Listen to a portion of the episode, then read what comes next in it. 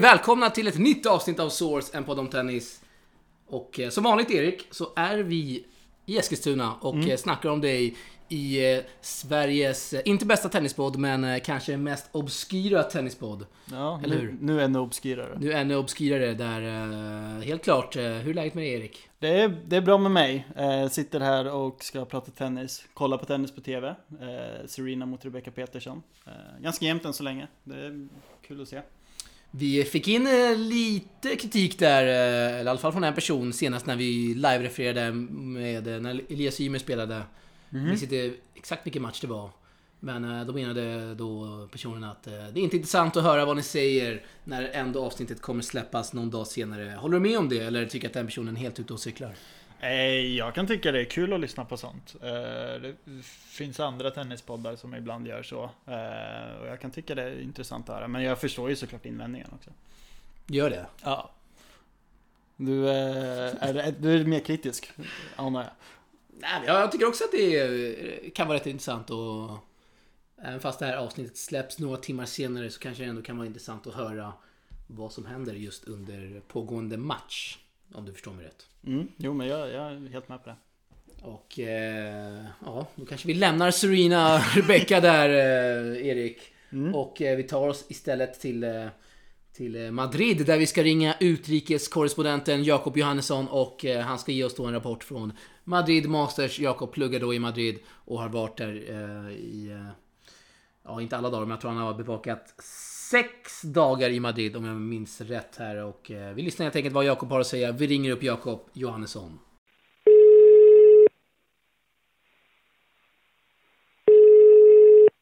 Då har vi med oss eh, Jakob Johannesson, eh, tidigare eh, fast anker i Source, numera utrikeskorrespondent, eh, som bor i Madrid. Eh, Eller hur Jakob? Precis, hej alla, hoppas ni har sakat mig, även fast ni inte har gjort det. Så det är kul att vara tillbaka. Jag måste säga, jag har fått in en hel del mail om vart du har tagit vägen, så du är onekligen varit saknad Jakob. Mm, nej, fast jag inte skulle tro för det resonemanget så känns det bra om någon har saknat mig i alla fall. Men det är kul att vara tillbaka i, i Source. Du, du, får ju berätta lite vad du gör i Madrid först och främst. Uh, jo, jag pluggar här sedan januari. Uh, så jag har bott här i, i snart fyra månader. Och uh, vi har två, två veckor kvar här. så nu börjar det närma sig slutet på, på min tripp här i, i Madrid. sen åka tillbaka till, till kära Sverige. Skönt. Och eh, du har ju bevakat eh, Masterturneringen där i Madrid. Eh, var väl nästan på plats eh, alla dagar va? Eh, jag körde fredag till fredag.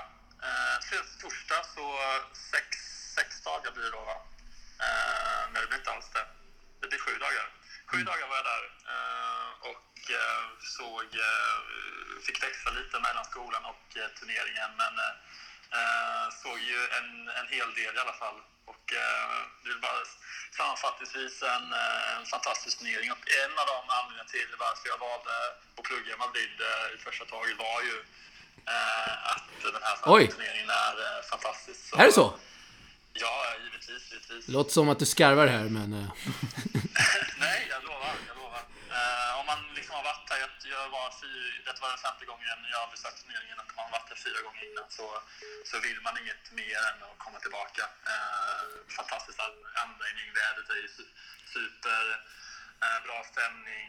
Eh, så om man vill se mycket tennis och eh, vill umgås med, med en publik som kan sin tennis så är, eh, så är Madrid eh, jag rekommenderar stor skillnad om man jämför med både Båstad och Stockholm där, där folk eh, kanske inte riktigt bryr sig emellanåt. Nej, och eh, jag antar att du snackar lite, att du menar publiken här, att de är lite mer tenniskunniga. Var det verkligen så i Madrid? Att de hade mer koll på spelarna och det som händer på planen? Jo, man märker ju det att eh, de som kommer dit är ju där för att se tennis. De sitter ju där hela dagarna ser fler än en match. I Stockholm kommer, ju, kommer det ju personer, ja, vi ser en tennismatch, sen nu går vi hem liksom.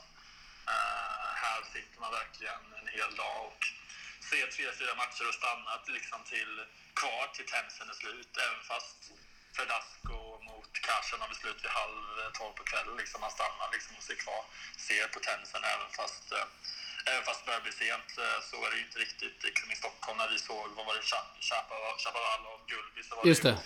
två stycken kvar på läktaren eh, när klockan började närma sig midnatt. Så... Det var tre, det var du, jag och Patrik Ragan.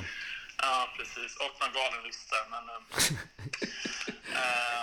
alltså det är sån kulturskillnad om man jämför, om man jämför liksom atmosfären runt tennisarenorna. Intresset är så mycket större här, tycker jag. Du ska få dra fram några höjdpunkter där från eh, din vecka i Madrid. Eh, vad börjar du med, Jakob? Eh, om vi ska börja från, från lördagen där och första kvaldagen så var det ju lite chockerande faktiskt att se Kasper Ruud där vinna så pass enkelt mot Per. Och per var ju uppenbarligen inte intresserad av att spela tennis överhuvudtaget. Men eh, Rud, jag har inte sett honom på ett bra tag och eh, jag tycker han har förbättrat sitt spel enormt här. Jag tror han spelar väl i, med Rafa, på Rafa Academy där om jag inte har Just det. Fel. Och eh, han hade ju Tore Nadal i sin box mot Per och eh, det såg ruggigt, ruggigt bra ut. Eh, så det är ett sånt korn där som man, som man gärna plockar ut. Sen Tommys match mot mot Haas. Eh, Tommys hade matchbollar och eh, även fast man kan säga vad man vill om Tommys så eh, är det en, en fantastiskt kul spelare att se, hur hans slag är så, så, så pass annorlunda. Han spelar så pass flackt. Eh, hans teknik är, eh, skiljer sig väldigt mycket mot, eh, mot spelarna i övrigt och hans attityd. det, blir ju, det blir så underhållande att se liksom, hur han kan bara skita i vissa poäng även fast det inte är så sportligt gjort alla gånger så blir det, någonstans, blir det på något sätt underhållande att se hur man kan vara så dryg och kaxig på, på tennisbanan. han, verkar, han verkar inte ha det kul för fem öre liksom. Men eh, på något sätt eh, triggar det mig och eh, tycker det är kul att se. Härligt, härligt. Och eh, ja, fortsätt där. Nej, men eh, om vi ska gå vidare på Rud där så spelar mot Ramos där på tvåa på söndagen i kvartsfinalen och hade ju då matchboll eh, banderade och sen vet jag fan vad som hände men det var ju oerhört varmt på söndagen. Jag antar att Ramos hade en, eh, en fördel med att med att vara span, spanjor och, eh, och han hade hemmapubliken som stör också så jag antar att eh, det hjälpte honom. Och sen även söndagen så Kyrgios Struff där som jag antar, jag vet att Erik har twittrat en del om den i alla fall, hur, vilken konstig match det var egentligen med alla dessa underservar. Mm. och Kyrgios har ju tagit ett steg längre, även Tommy liksom, och ser så ointresserad ut. Och, uh, Han fejkade väl någon uh, underarmsserve där va? På något läge. Precis, precis. Ja. Uh, oerhört komiskt uh, att se. Och sen att han var så, han ville, ville gärna så snabbt därifrån som möjligt. Liksom, att han, han tog liksom tre, fyra sekunder mellan sig, mellan servrarna liksom, och eh, Struff fick ju eh, avbryta honom flera gånger liksom, för att han inte var, var klar och så vidare. Eh, sen liksom när, när Kyrgios liksom vill vinna en poäng, det ser man ju liksom på en gång. När han inte lägger en stoppboll efter tre, fyra bollar varje gång. Eh, så eh, Kyrgios, jag vet inte hur ni ställer er till, till det här, om ni tycker det är för överdrivet att han ska hålla på så här, eller om det liksom om det är på ett sätt bra för sporten uh, med den här annorlunda spelartypen. Vad, vad säger ni? Du kan börja Erik. Ja, alltså det är väl en väldigt svår balansgång tycker jag. Eh, han hade ju en period här innan Acapulco när, när han inte spelade bra tennis på drygt ett år och bara eh, var löjlig mest hela tiden. Då tycker jag att det blir för mycket. Men om man, bla, om man blandar det med, med insatser som i Acapulco och, och andra bra turneringar så tycker jag att man kan tillåta det ändå. Men det blir lite för mycket ibland från honom. Jag håller med. Det är en hårfin balans där och eh, gränsen är ju... Vart, alltså när han håller på så här mycket då blir det så att fan... Då har liksom gränsen gått när han bara ska gå in och, och latcha och knappt liksom bryr sig. Men när han verkligen... När han verkligen bryr sig, och det är inte, det är inte jätteofta förekommer idag. Då är han ju en jäkligt underhållande och fantastisk spelare att se på liksom. Precis. Uh, så är det verkligen.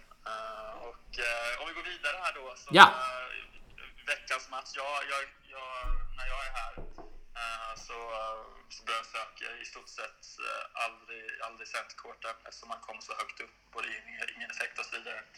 Eh, så, jag, så jag och min pappa då, som var här också, vi kollar ju bara på eh, i stort sett bara två och tre. Eh, och eh, veckans match som vi såg då alltså var ju Fedasko och Kashanov som Eh, höll på ett bra tag på bana två och eh, det var ju en fanatisk... De var ganska få spanjorerna som man var tvungen att köpa. Man är tvungen att köpa extra biljetter till bana två så den fylldes inte riktigt. Men eh, de spanjorerna som var där var ju fanatiska över Fedasco som är oerhört populär bland i Madrid. Det märker man. Redan när han tränade med Mikael Ymer så var det en massa människor på plats som ville se hans träning och när han spelade mot och så så var det konstant hejaramsor och, eh, och det är bara att kolla på, på siffran där, eh, 7-5 i avgörande och eh, det jubel som utbröt eh, efter matchen där och de hejaramsorna som skrek och de känslorna han visade, Fernando Ferrasco. även fast han har varit oerhört länge på touren så är det riktigt, riktigt kul att se att han fortfarande bryr sig så, så, mycket, så pass mycket som han gör. Man trodde ju liksom hans karriär var över när han fick stryk med var 6-1, 6-2 mot Mikael Ymer för några år sedan. Men att man fortfarande håller i och eh, spelar stundtals bra. Han spelade helt okej mot Tsitsipas också dagen efter, även om Tsitsipas kanske gick lite på halvfart då. Eh, Tsitsipas eh, eh, var väl egentligen den bästa spelaren jag såg under veckan. Jag såg eh, team mot Tsitsipas, eh, eh, men Tsitsipas eh, Eh, när man såg honom mot eh, Tarasco var det nästan som att nah, han, kommer, han kommer ta sig till final. Liksom. Eh, och kommer bli ett hot mot Nadal. Även Wawrinka som, eh, som besegrade Nishikori. Eh, förhållandevis, eh, inte enkelt, men ganska komfortabelt då. Wawrinka tycker jag eh, visar prov på att han är tillbaka eh, efter Nishikori spelar inte så jättebra, men eh, eh, Jag tycker det är spännande att se honom här framöver. Eh, servar riktigt bra och hans, eh, hans grundslag, hans eh, aggressiva grundslag tycker jag är på väg tillbaka efter en tid av tyngre spelare. Så lite överraskande att han eh, förlorade så enkelt mot Rafa, Rafa Nadal där eh, till slut. Men eh, ja, det var väl lite av de eh, godbitarna jag, jag tar med mig här från, från Madrid. Eh, och eh, jag antar att ni har snackat om finalspelet där, men det var ju kvartarna, semifinalerna, men det var ju fantastiska matcher, eh, många av dem. En sista grej ska vi svara på. Jag som gillar mat, eh, Erik också för den delen. eh, Du får berätta lite här. Matutbudet i Madrid Masters. Vad kunde man äta? Eh, obskyrt dyrt i alla fall är det. Eh, jag tycker de höjer priserna för varje år man är här nere. Men eh, de har en hamburgare där med kalla pommes frites. Jag vet inte om man, man köper här pommes frites eh, i en sån där påse. Det är ingen skräll att du äter hamburgare direkt. Nej, men eh, helt okej hamburgare liksom. Eh, med kalla pommes frites, eh, liksom 15 euro. Eftersom eh, euron är jävligt dyr just nu så det blir upp mot 165 kronor liksom. Och om man ska käka ordentligt, eh, eftersom man inte kan gå ut så måste man käka där inne. Och Ja. man ska bli mätt liksom så måste man liksom ha något sånt liksom. Annars får man köpa liksom en, en liten baguette.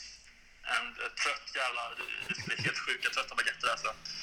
Ehm, som kostar 8 euro liksom. Och mat är absolut inte ehm, fördelen med Spanien. Absolut inte. De är riktigt obskyr ehm, matlagning här. Så uh, man maten och dit, för det kan man ju definitivt inte säga. Eh, väldigt torr, smaklös mat. Ehm, jag har inte ätit mycket lokal mat, så mycket kan man säga, under mina fyra månader här. De har serverar något som heter patata de tortilla. Någon slags potatisrätt som spanjorerna älskar men det är nog sällan jag eh, jag har tyckt något var så oerhört obskyrt illa faktiskt. Så det är mycket, mycket donken, mycket hamburgare, mycket. Mycket hamburgare, det hörde du det. Ja, det, det blir det absolut. Ja, det är bra Jakob. Eh, Vi tackar för den rapporten eh, och det gör nog också våra lyssnare, det är jag helt säker på. Och vi, eh, vi hörs helt enkelt framöver. Du är välkommen när du vill till Source när du är på hemmaplan igen Jakob. Tack så jättemycket, jättekul att vara med igen. Och vi hörs vidare. Ha det så bra Jakob. Från. Spanien, utrikeskorrespondenten Jakob Johannesson tackar för sig. Ja du Erik, där fick vi eh, ett långt samtal med Jakob. Ja, väldigt långt. Han hade mycket att berätta. Det, det är kul. Obskyr mat där. Obskyr mat, smaklös och torr. Eh, ungefär som Göteborgshumor kanske. Precis. Eh, som det brukar vara eh, smaklös mat eh, just när man kollar på tennisturneringar.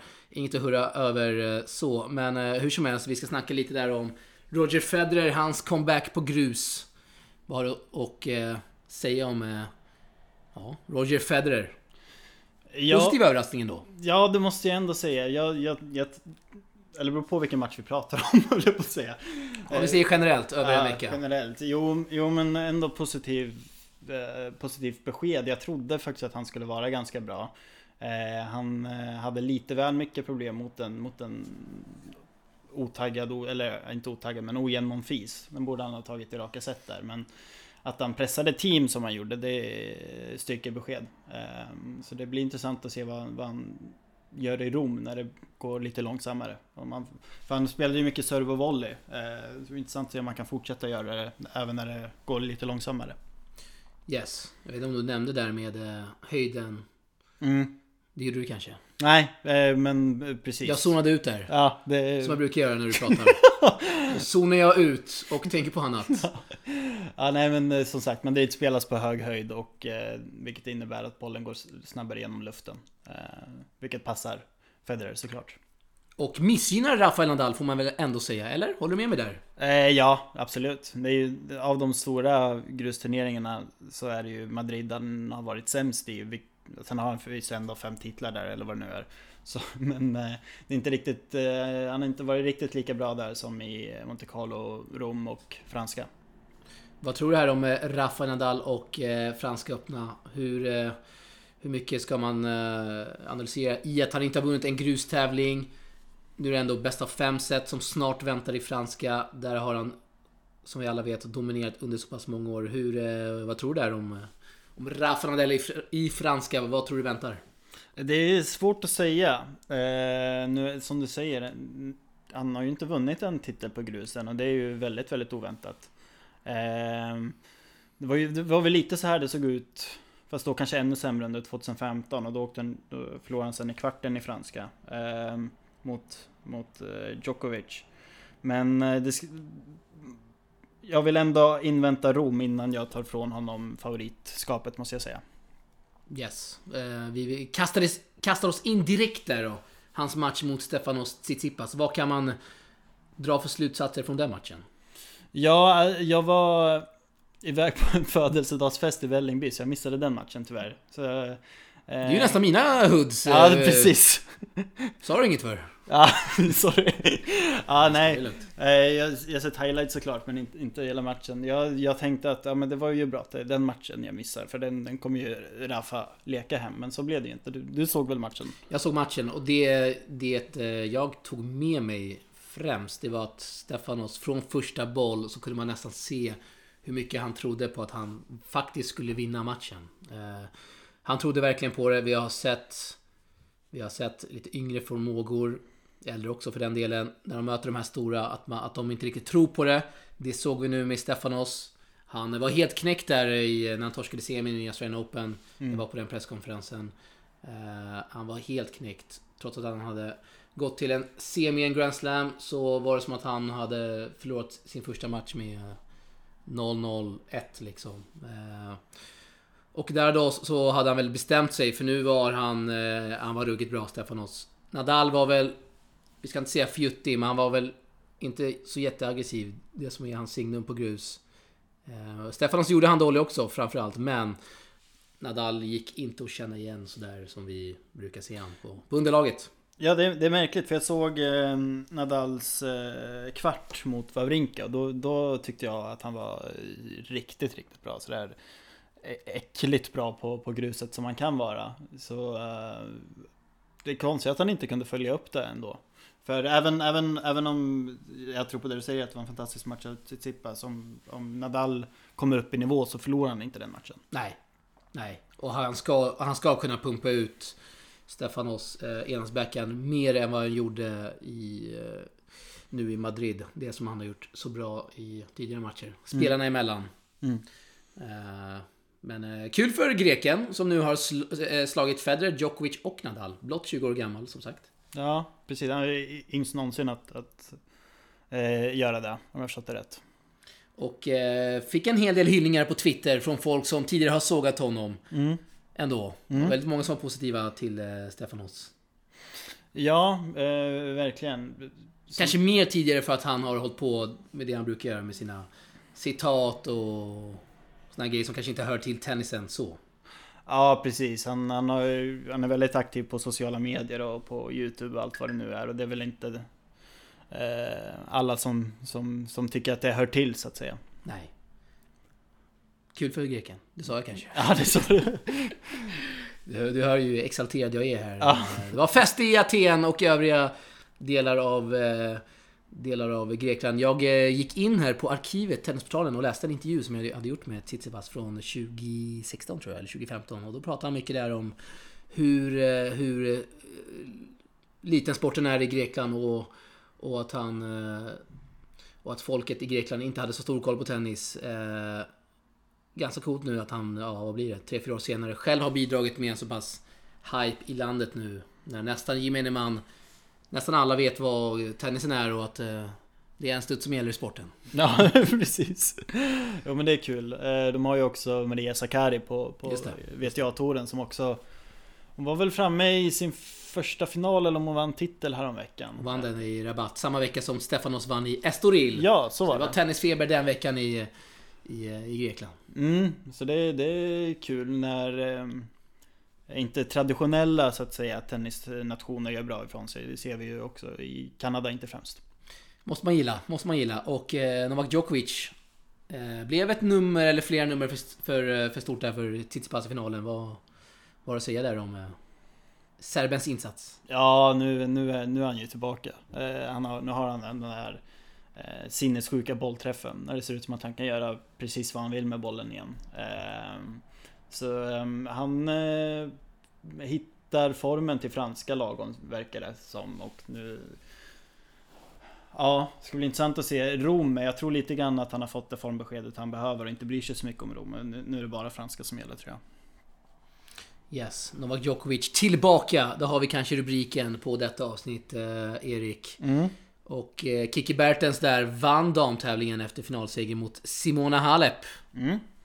Vad säger vi om eh, damtävlingen i stort och eh, Bertens mycket fina insats? Ja, det var en riktigt bra insats av Bertens. Eh, hon var ju framme i final förra året faktiskt. Förlorade då mot Kvitova. Som hon nu slog i kvarten och sen Stevens och Halep i finalen. Så det är tre raka topp 10 segrar. Och hon klättrar ända upp till fjärde platsen på rankingen faktiskt Bertens. Hon, hon är 27 år gammal nu tror jag och eh, det är främst de senaste ett, två åren nu som hon har eh, klättrat upp till de här höjderna. Så det, det är riktigt kul eh, för holländsk tennis också. Måste jag säga. Det är hon och Wesley Koloff som går starkast. Ja, man, precis. får man ändå säga. Ja, det får man verkligen säga. Eh, Jag måste ju nämna Tsitsipas eh, dubbel här i Madrid som han då spelar eh, i, innan vi hoppar tillbaka till damtävlingen. Eh, Stort ändå att Tsitsipas spelar dubbel. Tsitsipas slår då Zverev och eh, spelar då dubbel samma kväll. 23.15 går han in i dubbeln. matchen slutade vid eh, ett på natten. Helt sjukt. Ja, och så skulle han spela mot Nadal dagen efter. Det, var, det, det är ju eh, galet att han att han orkade det, att han orkade spela på den nivån som han gjorde. Helt otroligt. Eh, Vi hoppar tillbaka till damerna igen då, eh, Mm. Erik. Eh, Rebecca han inte kvala va? För hon var i rabatt samma vecka. Precis, precis. Hon var i debatt, eh, kom till kvartsfinal där och missade därmed kvalet i, Madrid tyvärr. Men ja, vet inte. Jo, kan prata lite om Osaka också. Jag, Kör. Hon, grus är ju verkligen inte hennes, hennes eh, favoritunderlag. Men hon gör ändå, tar, tar ändå tre segrar och sen pressar hon Bencic ordentligt i kvartsfinalen. Jag tror det var 7-5 i tredje där. Eh, så även om hon inte trivs jättebra på grus så eh, gör hon en riktigt bra insats. Och det ska bli intressant att se om det håller i sig nu när det blir lite långsammare i dem. Faktiskt. Jag blev, jag blev imponerad av henne trots att hon inte ser bekväm ut eh, i, i hur hon rör sig på gruset. Yes, och eh, vi har väl... eh, Vi har glömt Dominic Team. Mm. Hoppar vi fram och tillbaka här i podden. Men det är sånt som vi gillar. eh, Det är sånt som händer ibland, Erik. Yes. Spelar han sin bästa tennis någonsin? Det var en fråga du ställde till mig igår, va? Ja. På Messenger. Ja, eh, ja det, det kanske var en fråga bättre anpassad efter Barcelona men men eh, ja, jag tycker att så som han har spelat det här året, eller ja, eh, senaste två månaderna kanske Så har han nog faktiskt aldrig varit bättre eh, Det verkar som att han, han tog in Nicolas Massou eh, Bröt upp med Günther Bresnik på coachsidan eh, Och han verkar ha mer tålamod nu och slår inte bara så hårt han kan på allting längre utan han, han varierar spelet lite mer. Eh, så jag tycker nog att han, att han är bättre än någonsin. Så det är intressant att se hur, hur långt han tar det. Jag såg ju att eh, Brad Gilbert, som har, eh, som har skrivit boken eh, Winning Ugly, har du läst den? Nej, men jag vet om det. Ja. Han twittrade då om att han redan ska ha sett förbättringar, förbättringar i, i teamspel då efter, efter nya samarbetet med Massou. Då var det en hel del folk som twittrade om att eh, du är ute och cyklar Brad. Eh, vad är det du säger just nu? Eh, håller du med Brad där eller vad, vad, vad säger du? Ser? Kan du se några förändringar i teamspel? Du nämnde där att han höll i bollen mycket mer men ser du någonting annat? Specifikt? Ja, nej, det är, det är, det är mest eh, eh, taktiskt. Eh, några tekniska skillnader. Det är sällan man ser det i, eh, när spelarna börjar bli 25-26 som man är nu. Så det, är, det mest är det. Eh, taktiska. Eh, mer tålamod, vänt, väntar lite grann och, och slår när det blir läge att slå. Eh, och sen schemalägger han väl lite bättre nu också. Spelar inte varje vecka som han gjorde förut. Så det kanske bidrar också. Ja, det var ju riktigt sjukt schema han hade där ett tag med eh, Günther Bresnik som han har eh, kört med väldigt länge sedan han var junior va? Ja, precis. Ja, då gör vi så här. Vi lämnar Madrid va? Mm. Och går in i Rom direkt. Mm. Vi kan eh, börja med damerna där Erik. Ja, eh, Serena Williams tillbaka som sagt. Eh, hennes första tävling sedan Miami väl? Just det, och hennes första grusmatch på, vad var det? 300... Var det 342 dagar jag läste det på min Resetina-app? Ja, på väldigt länge i alla fall. Eh, Så mycket kan vi ju säga. Eh, Så det blir eh, spännande att se. Nu blir det live-referat här igen. Men att break up Nu mot, får vi in många arga mail här redan. Oj, oj, oj. sett att break up mot Rebecca och hon ser väl ut att ta den matchen. Eh, något annat får det väl en jätteskräll. Trots att hon inte har spelat på ett tag. Eh, så ehm, ja, intressant att se också om, om Bertens orkar en vecka till. Eh, Vi har Osaka där som är första sidan. Ja, precis. Men visst gick Halep om henne i rankingen? Nej, det gjorde hon inte. Hon behövde vinna för det. Eh, Så det är väldigt tajt nu mellan Osaka och Halep där uppe. Så det, det kan eh, ändra sig den här veckan. Det är inte jättemånga poäng det skiljer där inte. Nej, det är lite drygt 200 bara. Eh, Så jag vet, jag vet inte hur, de, hur Halep försvarar från förra året förvisso. Men eh, ja. Blir intressant att följa. Och eh, matcherna kan man då följa på VTA-TV. Mm. Som ännu inte finns som app. Nej, det är, Det är en skandal. det är helt otroligt. Det är helt otroligt. Och eh, det var ju då en tid, det var väl var det ett år sedan eller två år sedan man kunde på tennis-TV nu händer det grejer här i Eskilstuna igen. Det var väl ett år, eh, var ett eller två år sedan man kunde se på tennis-TV både dam och herrmatcherna. Mm. Eh, och sen så bröt då, sen kunde man inte se dammatcherna längre på grund av en, någon rättighetstvist, antar jag. Eh, sen så gick det några månader där man inte kunde streama då eh, matcherna på, på damtouren. Ja, det var, det var nästan uppe mot ett år. Och det var så länge? Ja, jag tror det. Det, det är också helt sjukt. Ja, det är helt Det är galet. helt otroligt. Ja. Eh, Mycket finns att säga där om VTA och hur man också sköter deras Twitterkonto. Såg en video där där de twittrade om att eh, it was a great passing shot från Halep och så var det bara att hon hon eh, slog då på en an, anstormande motståndare, jag minns inte namnet, jag minns inte vem det var.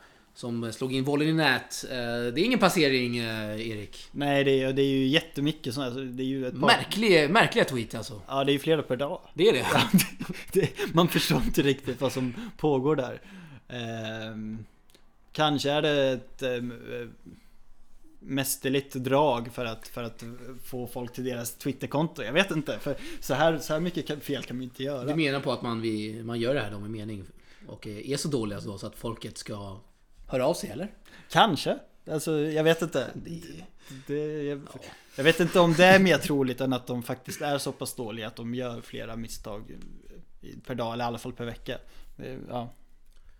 Det blir nästan lite live här igen då och vi går in på VTAs eh, Twitterkonto och kikar vad man har för sig. Eh, Tennis-TV och ATPs Twitterkonto är i alla fall väldigt aktiva och gör bra grejer. Eh, Det är sällan man gör eh, såna här bloopers. Eh, Har ändå rätt bra med följare. ja det har man. Nästan 800 000. Mycket ATP, det kan jag kolla. Bra podcastmaterial det här. Det är ju riktigt bra.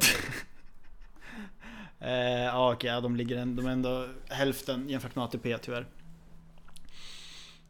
Ja.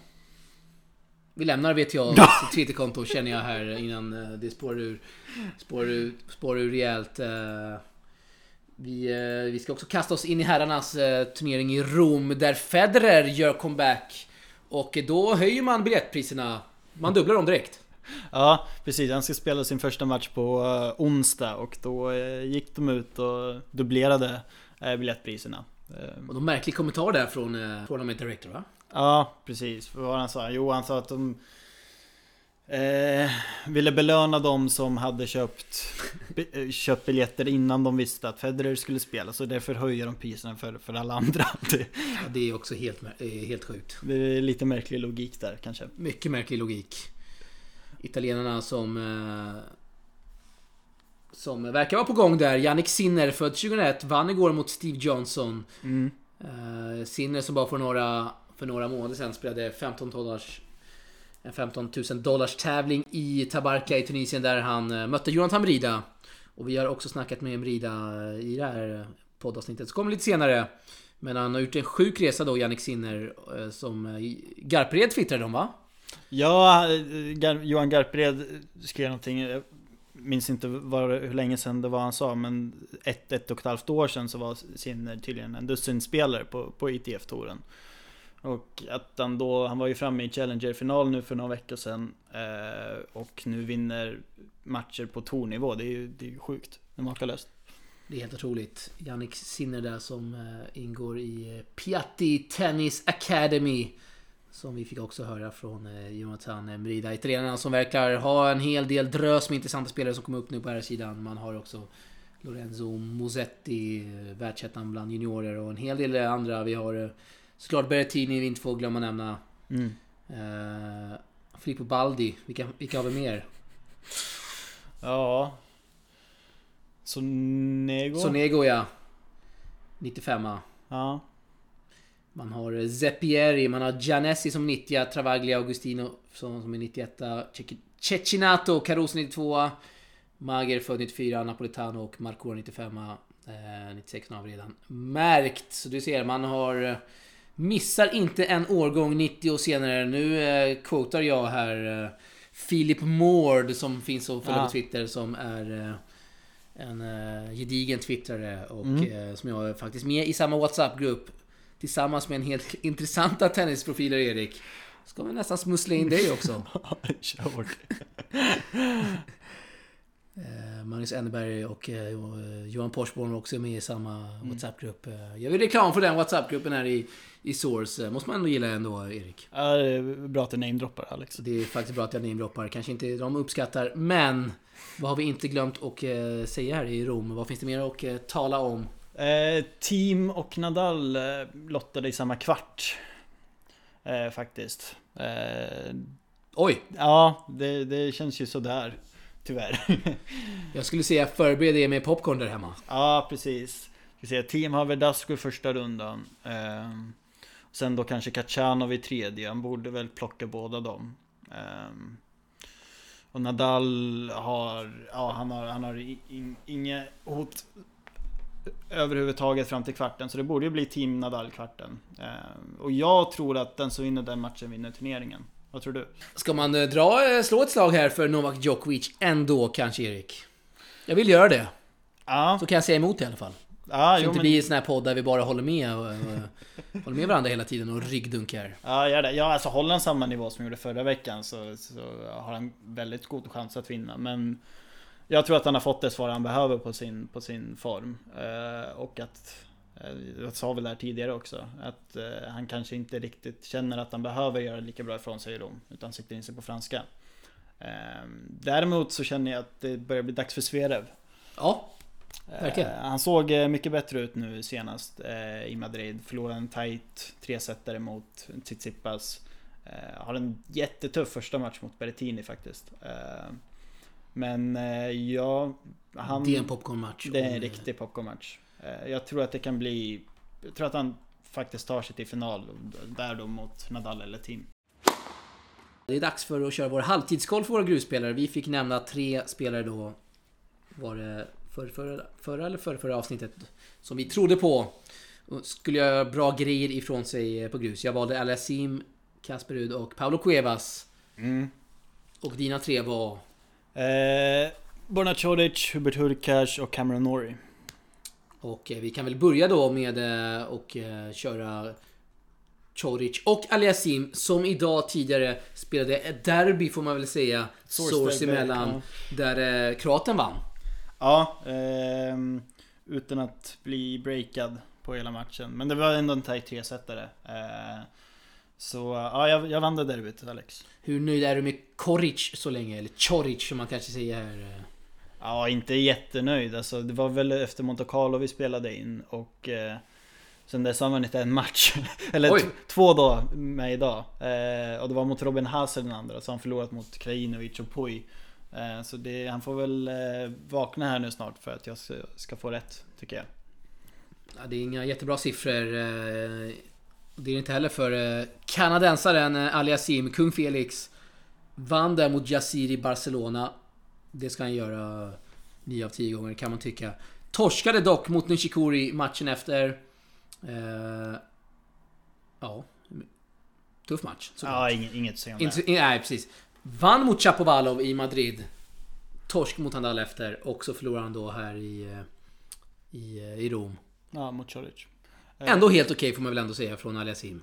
Ja, precis. Det är, det är inga succéresultat men det är ju jättesvåra lottningar. Så man hade nog inte kunnat förvänta sig så mycket bättre. Jag håller med. Eh, klart godkänt eh, och eh, kanske mindre godkänt på kroaten. Är det vi säger? Ja, än så länge. Han, han, han gör väl en, eh, en, en bra vecka den här veckan hoppas jag. Och eh, då får du nämna din andra spelare där. Ja, då kan vi ta, ska se, Hubert Hurkacz, precis. Som ändå, han kvalade ju in i eh, Madrid. Eh, gjorde, och gjorde det bra där sen, vann mot Deminar och eh, Puy innan han förlorade mot Sverre, eh, 6-4 i tredje. Så det gjorde han ju bra, men eh, dessförinnan så förlorade han mot Attila Balas i eh, Budapest. Ja, den är lite sämre. Trots att Balas är från Ungern och eh, vad vi förmodar hade ett jäkla publikstöd på läktarna utan att ha sett en boll. Ja, precis. Jag såg inte heller den matchen. Eh, det får man väl Det är inte ofta man bänkar sig för att se Balazs mot Hurkacz i Budapest ATP direkt. Nej, eh, verkligen inte. Eh, men eh, ja, sen förlorade han nu mot Kecmanovic i, i Romkvalet tyvärr. Så, men men väl godkänt i Madrid får man ändå säga. Kvala in och sen vinna två matcher. Ja, ja. Så ja, han får väl också helt okej. Tycker jag. Jag har också helt okej på min nästa. Kasper Rud vann mot, eh, mot eh, Benoit Per.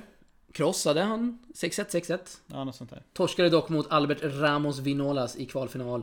Sen har han då kvalat in i Rom efter att ha krossat då Lorenzo Musetti och eh, Miomir Kezmanovic. Eh, Kasper Rud då som ska möta Daniel Evans. En eh, tuff motståndare ändå får man väl ändå säga. Möter nu, 2-2 i första. 2-2 i första. Eh, Lite live, eh, live-referat här. Återigen i podden. Eh, Det gillar vi ändå trots vad våra gedigna lyssnare skriver i form av mail och sådant. Mm.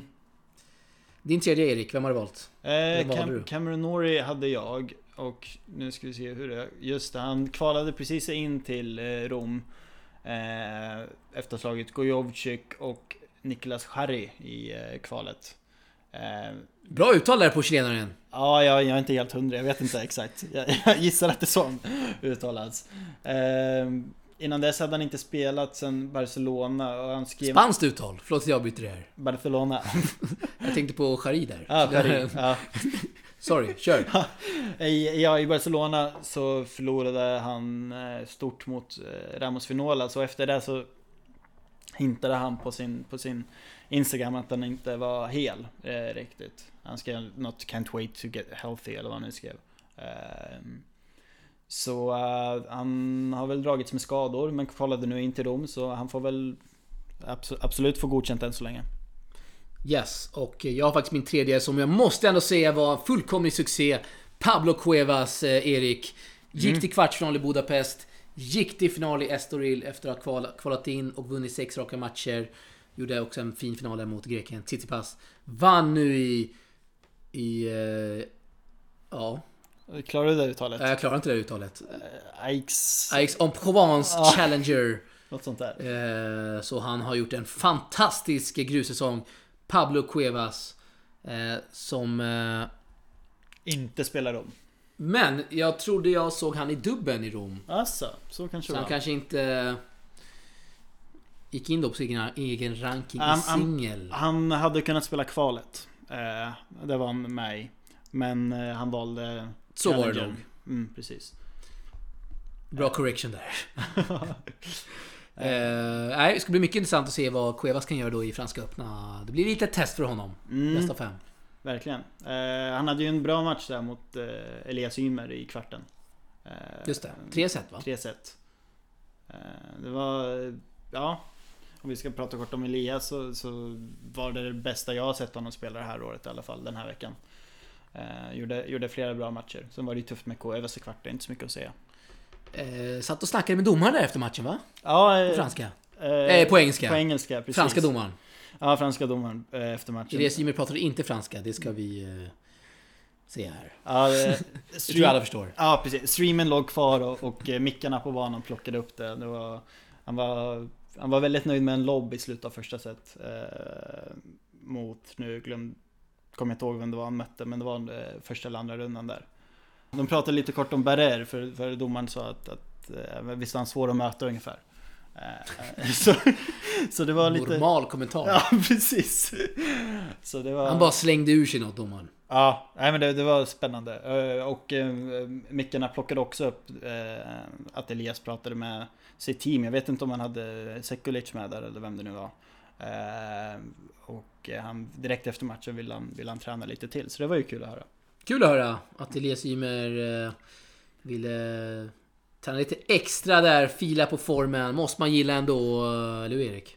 Verkligen, verkligen. Han har ju, på sistone har han inte alltid sett ut som att han eh, trivs med sin tennis så pass mycket. Eh, särskilt mycket om man säger så. Så det är kul att han eh, visade upp bra hu- humör eh, den här veckan. Då går vi vidare i podden och vi ska summera förra veckans... Eh, säger man Futures? Det gör man inte längre. Jo, Det heter inte fortfarande så. Det gör det väl? Det Eller? heter inte World Tennis Tour eller något Ja, men det heter ju själva touren, men turneringarna tror jag fortfarande heter Man säger Futures fortfarande. Jag tror det. Jag har inte... Man kanske bara säger 15 000 dollar och 25 år och så vidare. Eller? Kanske. Jag, jag, jag inte... Det blir ett dåligt segment här i podden känner Ja, jag direkt. jag men inte- eh, jag inte... skitsamma. Det spelades i alla fall två, två hemmaturneringar får vi ändå säga. I Karl- Karlskrona och i Pixbo. Yes. Herrarna spelar i Kar- Karlskrona och eh, damerna i Pixbo då i Göteborg. Eh, och Marcus Eriksson gjorde då rent i Karlskrona, vann både singeln och dubben. Mm. Dubben då med Filip Bergevi. Intressant då att Mackan Bergevi vann på, på VO då i både åttondelen och kvarten. Så man spelade bara två matcher i dubben. Tog vara på den chansen får man väl ändå säga. Ja. Eh, Kajsa Henneman hade också en fantastisk vecka. Hon gick till final i singeln. Eh, och vann då dubbeln tillsammans med Melis eh, ja, Yashar, om man uttalar det så. Eh, släng vi in en fanfar här till svenskarnas titlar.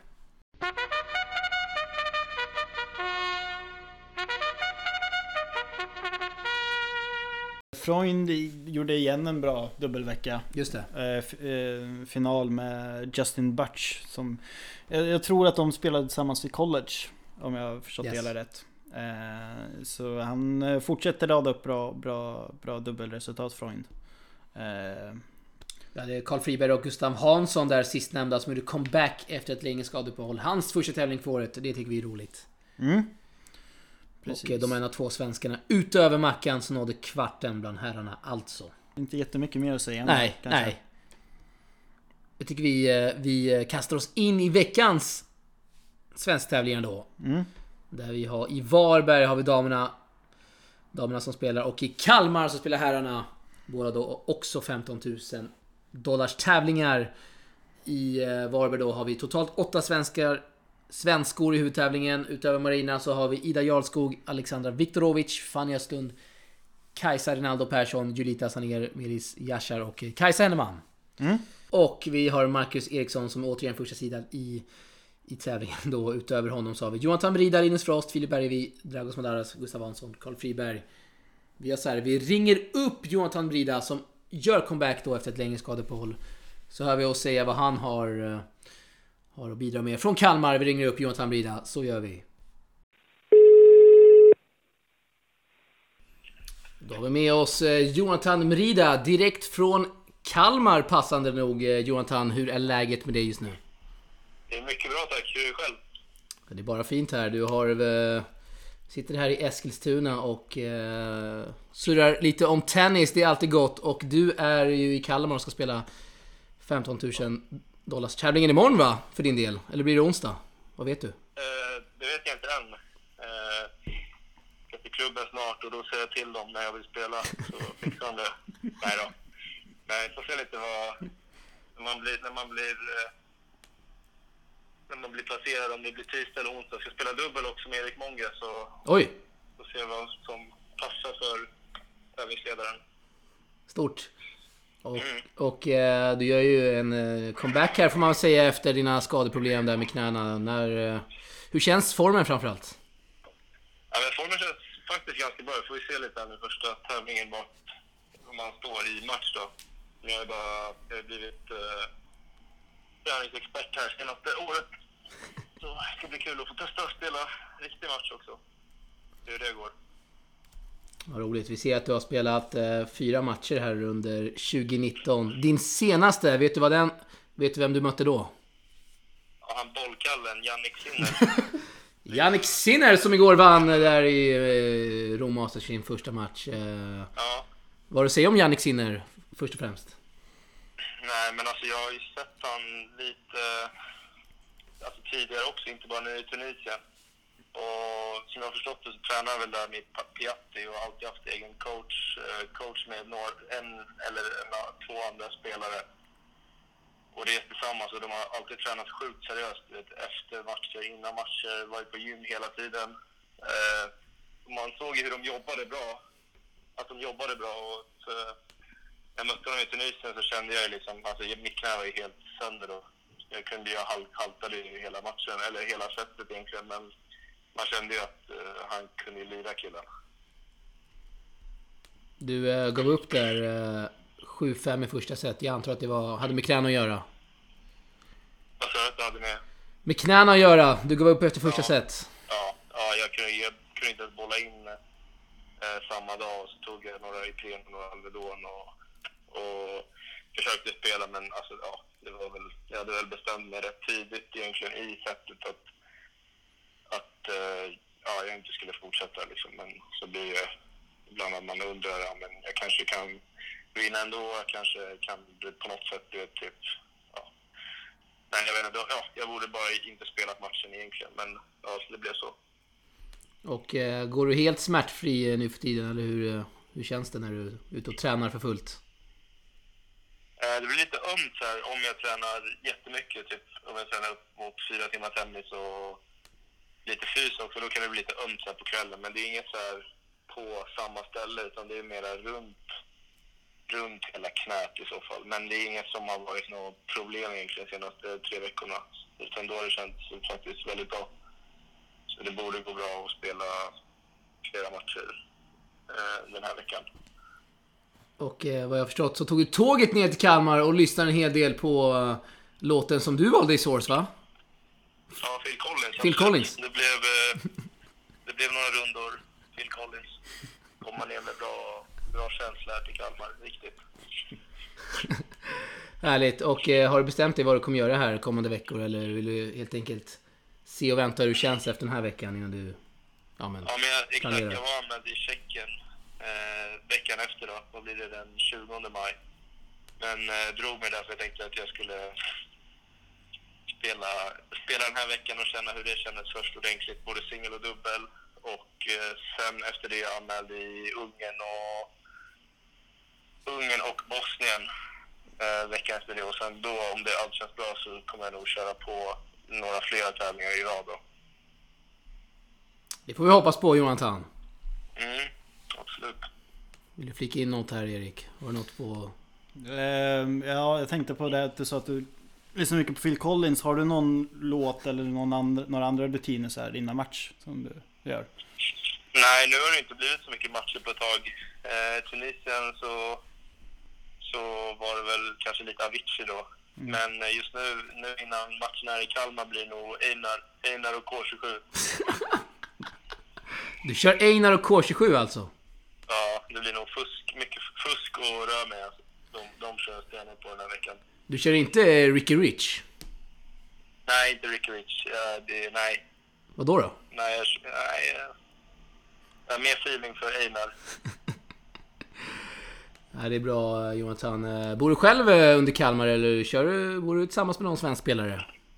Men jag delar ju alltid med Carl Friberg. Det är ju klassiker när vi är på samma hotell. Då har vi mandatory sharing. Så, så han ligger här bredvid mig nu och eh, lyssnar på denna fantastiska inspelning.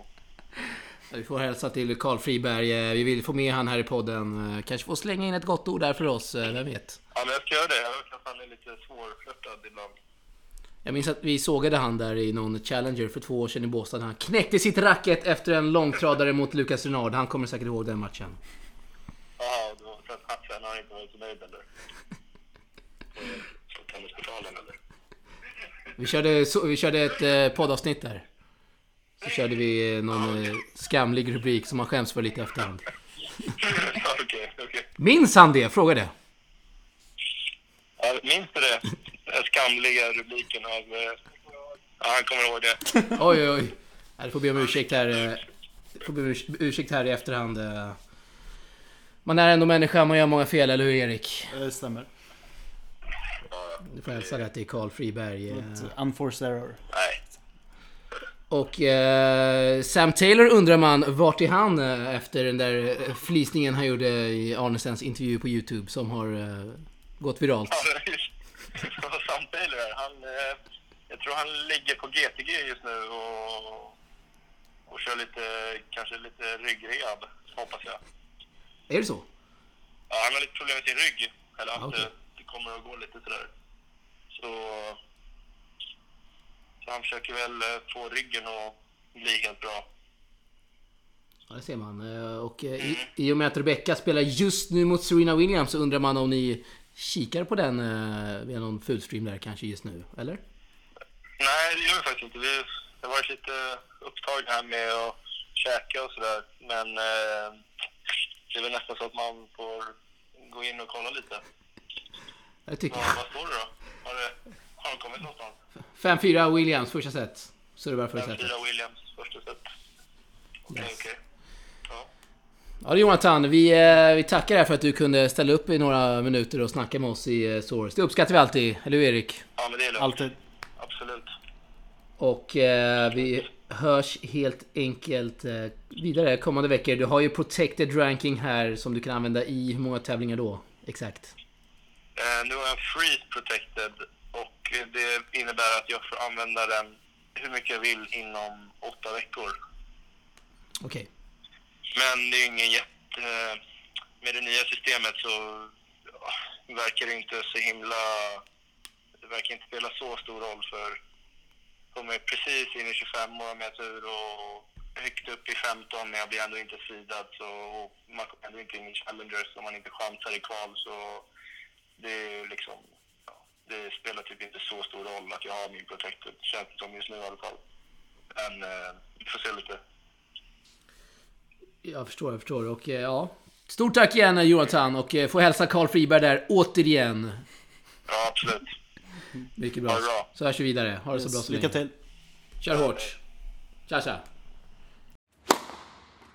Gött samtal med Jonathan. Verkligen, verkligen. Han... Eh, likt när vi hade Frost i något avsnitt nyligen så är han, han är också duktig på att prata, Jonathan. Gillar Phil Collins? Ja, In eh, the air tonight. Nej, den, den är en väldigt, väldigt bra låt. Vi slänger in trummorna här.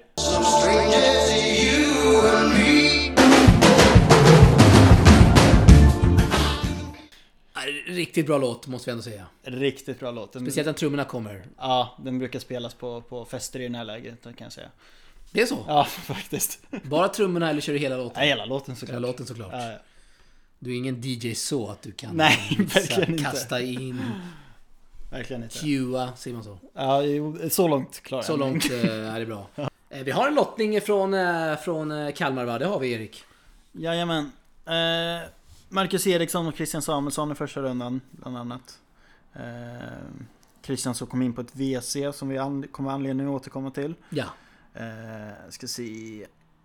Gustav Hansson mot en tysk, Mats Rosenkrantz. Eh, Bergevi mot en fransman. Merida fick... Ja just det, Madaras i första rundan. Det blir ett svenskt derby där. Ja, verkligen. Och eh, Simon Jitbarek mot Loren- Lorenzo Bocchi. Intressant. Ja, vi kommer uppdatera på Tennisportalen. Framförallt Instagram stories. Där brukar vi slänga upp lite resultat. Eh, saxat från Resultinappen. Ja, och du har börjat med quiz där också, det uppskattar Ja, jag. du gillar det, Ja, quizet. riktigt bra. Riktigt, riktigt Hur bra. har det gått för dig? Eh, lite upp och ner, men för det mesta, jag är faktiskt nöjd överlag. Jag vet att du hade fel på eh, Paris forehand. Ja, jag klickade fel. Gjorde du det? Ja, faktiskt. Jag känner generellt där med vårt eh, quiz då att eh, folket har jävligt bra koll alltså. Mm. Jag tror att jag skulle ha så här flera frågor där, där eh, våra då följare inte skulle ha en susning om. Men eh, uppenbarligen så har man haft väldigt bra koll på, på allt möjligt. Ja, det är duktiga lyssnare. Mycket! Och eh, kommer kasta in lite mer här eh, under kommande dagar. Så då får man hålla koll på vårt quiz där, eh, Tennisportalens Instagram stories, eh, Erik. Mm. Kul att du gillar det. Riktigt bra grejer. Kul att du gillar det. Och eh, vi eh, kastar oss in då direkt i Svenskkollen där vi har Miriam Björklund som är i, eh, i eh, Spanien då. Kvalar in till en eh, 60 000 dollars tävling. Är nu i kvalfinal. Hon ska möta en 259 rankad tyska. Hoppas vi eh, Miriam vinner såklart. Har Ja. gått väldigt starkt på sistone. Mm.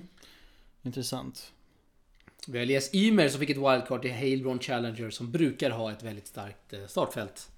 Ja, precis. Och han hade ju såklart normalt kommit in på, på sin ranking, men det var för att han inte hade anmält sig. Eh, så det är därför han behöver wildcard. Och vi har Cornel- Cornelia Lister som kvalar i Slovakien. I eh, Trnava, säger man så? RIP uttal. Uh, inte. Trnava kanske man säger. Hon ska kvala in då en 100 000 dollars tävling där. Och eh, kul för Lister då att hon är rankad nu igen, topp 100. Och hon är 88 i dubbel. Ja, jag funderar på vad är det som krävs i dubbel för att, för att komma in i eh, main draw i eh, slams? Oj, man kör väl någon... Eh, jag vill inte säga fel här. Man kör väl någon... Eh, Alltså det beror ju, det beror ju någon på... combined ranking, ranking där va? Precis, det beror på hur många singelspelare som anmäler sig. Just det. Och det ju- brukar vara fler eh, singelspelare på damsidan än på herrsidan som spelar slamsen. Så det räcker förmodligen inte till, till huvudlottningen där för Nej. Lister skulle jag gissa. Men eh, det går ju åt rätt håll och kvala lär hon definitivt få göra om hon hittar någon partner. Jag, jag såg att Wimbledon har inför i år tagit bort eh, just kvalet i dubbeln. Jaså? Ja. Märkligt. Ja, tråkigt framförallt. Ja, De kvalade ju där förra året. Ja, Eh, tråkigt för Lister. verkligen. Och eh, vi går vidare då till eh, Niklas Johansson som vi gillar lite extra här i podden. Det vet nog alla vid det här laget. Som spelade i, som spelade i, spelade i Uganda då. Så, och förlorade mot eh, spetsar nu. Guy Orley Iradokunda. I andra omgången där i Ugandas 15 000 dollars tävling. Eh, den här matchen då spelades den 7 maj. Och eh, när jag gick in då på resultaten inför då den här veckan så hittade jag inget om Niklas Johansson. Då blev man lite orolig. Mm. Finns det livstecken kvar från Niklas Johansson? Efter en sådan tävling i Uganda. Det är bara mina fördomar. Men då såg jag att han dök upp, dök upp igen då på ITFs hemsida. Och han är återigen kvar i Uganda för att spela en ny, tävling denna vecka. Måste man gilla ändå Niklas Johansson som väljer bort svenska tävlingarna, ja, Erik. Ja, det, det är jättemärkligt. För att spela i Uganda och man kan ju bara gissa vad de eh, flyg och hotellkostnaderna ligger på. Ja, det är, det är jättemärkligt men det är också jättefascinerande. För varje vecka så går blir man allt mer in, intresserad och nyfiken på personen Niklas Johansson. Framförallt då att han väljer de, de här obskyra tävlingarna som eh, gärna folk undviker. Ja. För att eh, plocka billiga poäng ändå kanske vi måste ändå få se här. Ja, jo absolut. Det är ju det vi får anta ifrån. Ja, det, det, det är ju det vi får anta. Eh, eller så man kanske älskar att resa. Alltså, Nej, det är svårt att se. Men eh, ja, alltså för han, han tjänar ju inte tillräckligt med pengar för att finansiera eh, eh, sin, sin satsning. Så det, ja, man undrar, man undrar lite grann som sagt. Men man, man, ska, man ska heller inte döma i och med att vi inte vet någonting om honom riktigt. Lite får man döma. det får stå för dig i så fall Alex. Det står för mig. Eh, jag tar fullt ansvar för det. Ni kan kontakta mig på min mail. Eh, framförallt eh, Erik. Kommer in lite läsarmail då och då. Mm, det är bra. Joakim Gruntal där nämner vi här i podden. Får en shoutout. Brukar skriva om det mesta. Det som händer kring bröderna Ymer och om vi har följt Ymers resultat på sistone. Det har vi gjort såklart.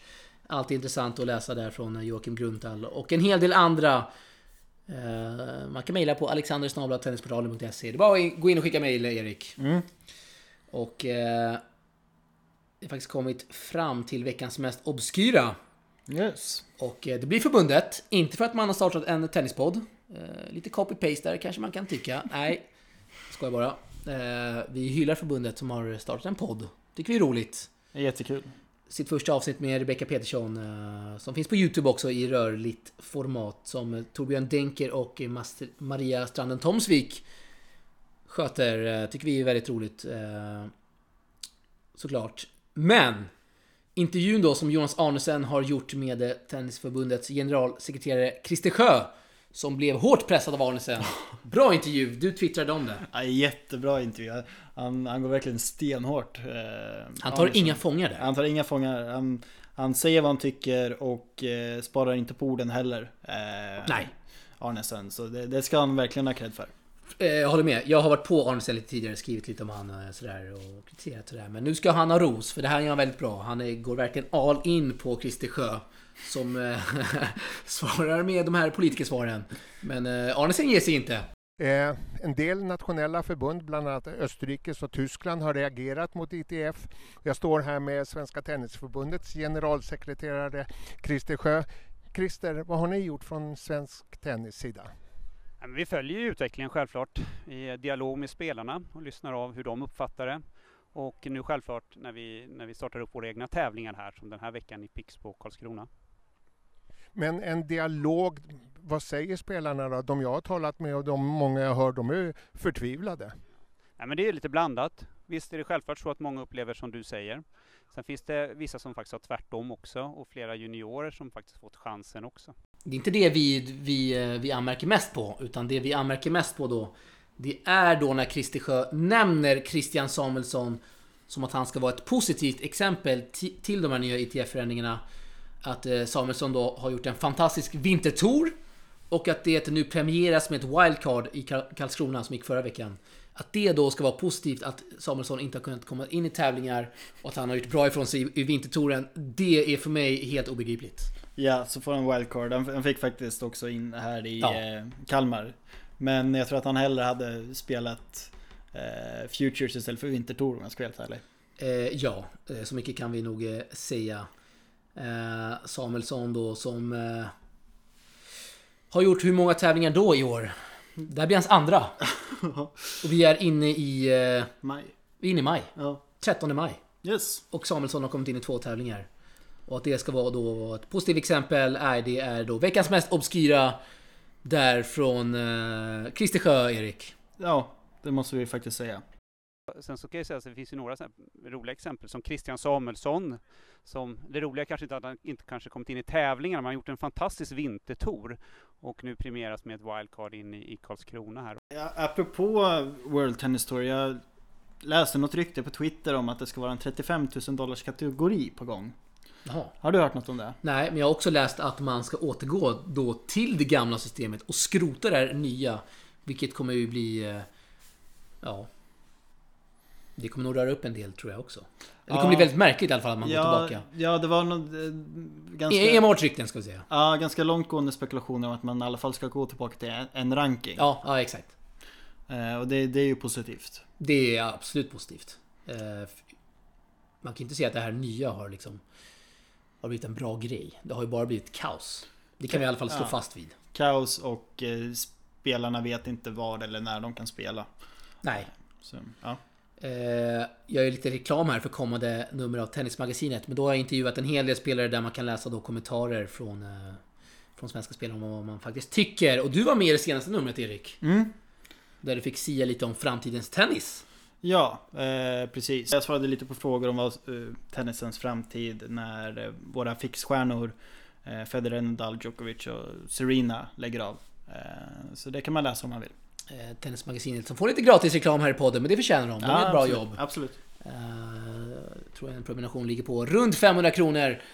För ett år är man medlem i en tennisklubb så blir det lite billigare.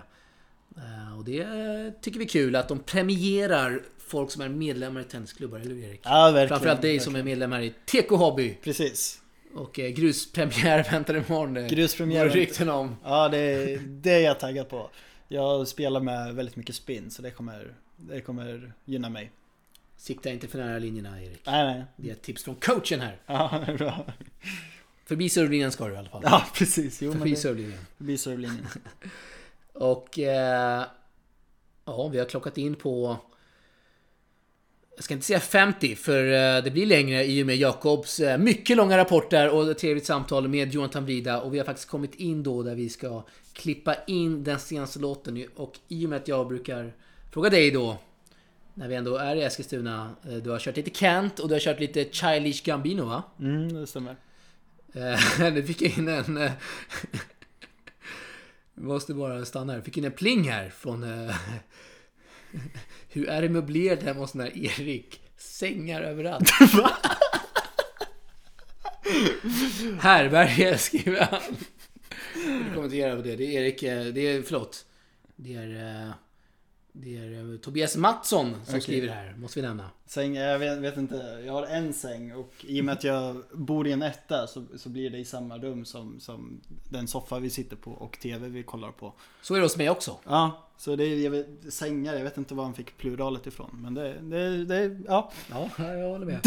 Eh, hur som helst, vi, vi gör så här. Vi kommer klippa in Oppa Oppa med Antik. Som en liten hyllning till Stefanos Tsitsipas framfart den senaste tiden.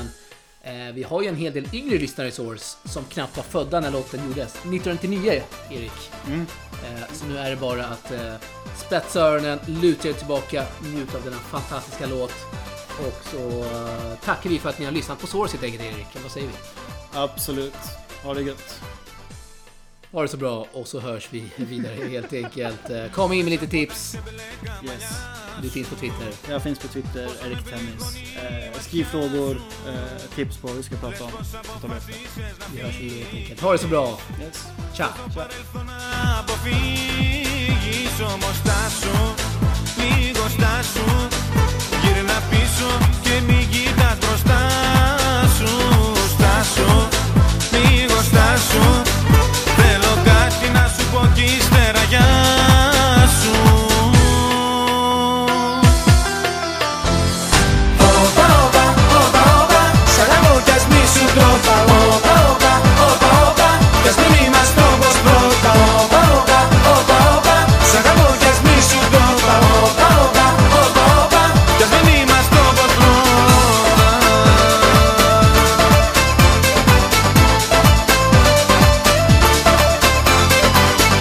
φάση την πελάτη μου γυρίζεις; Να φύγεις είναι εύκολο νομίζεις.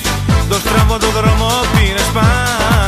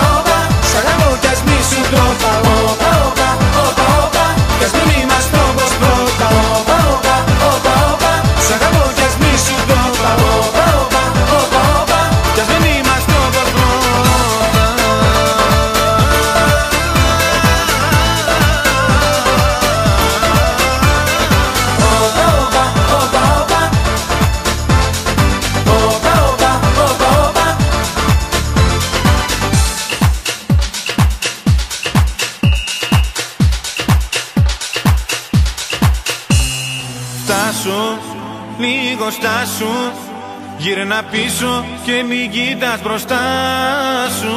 Στάσου, λίγο στάσου Θέλω κάτι να σου πω κι ύστερα για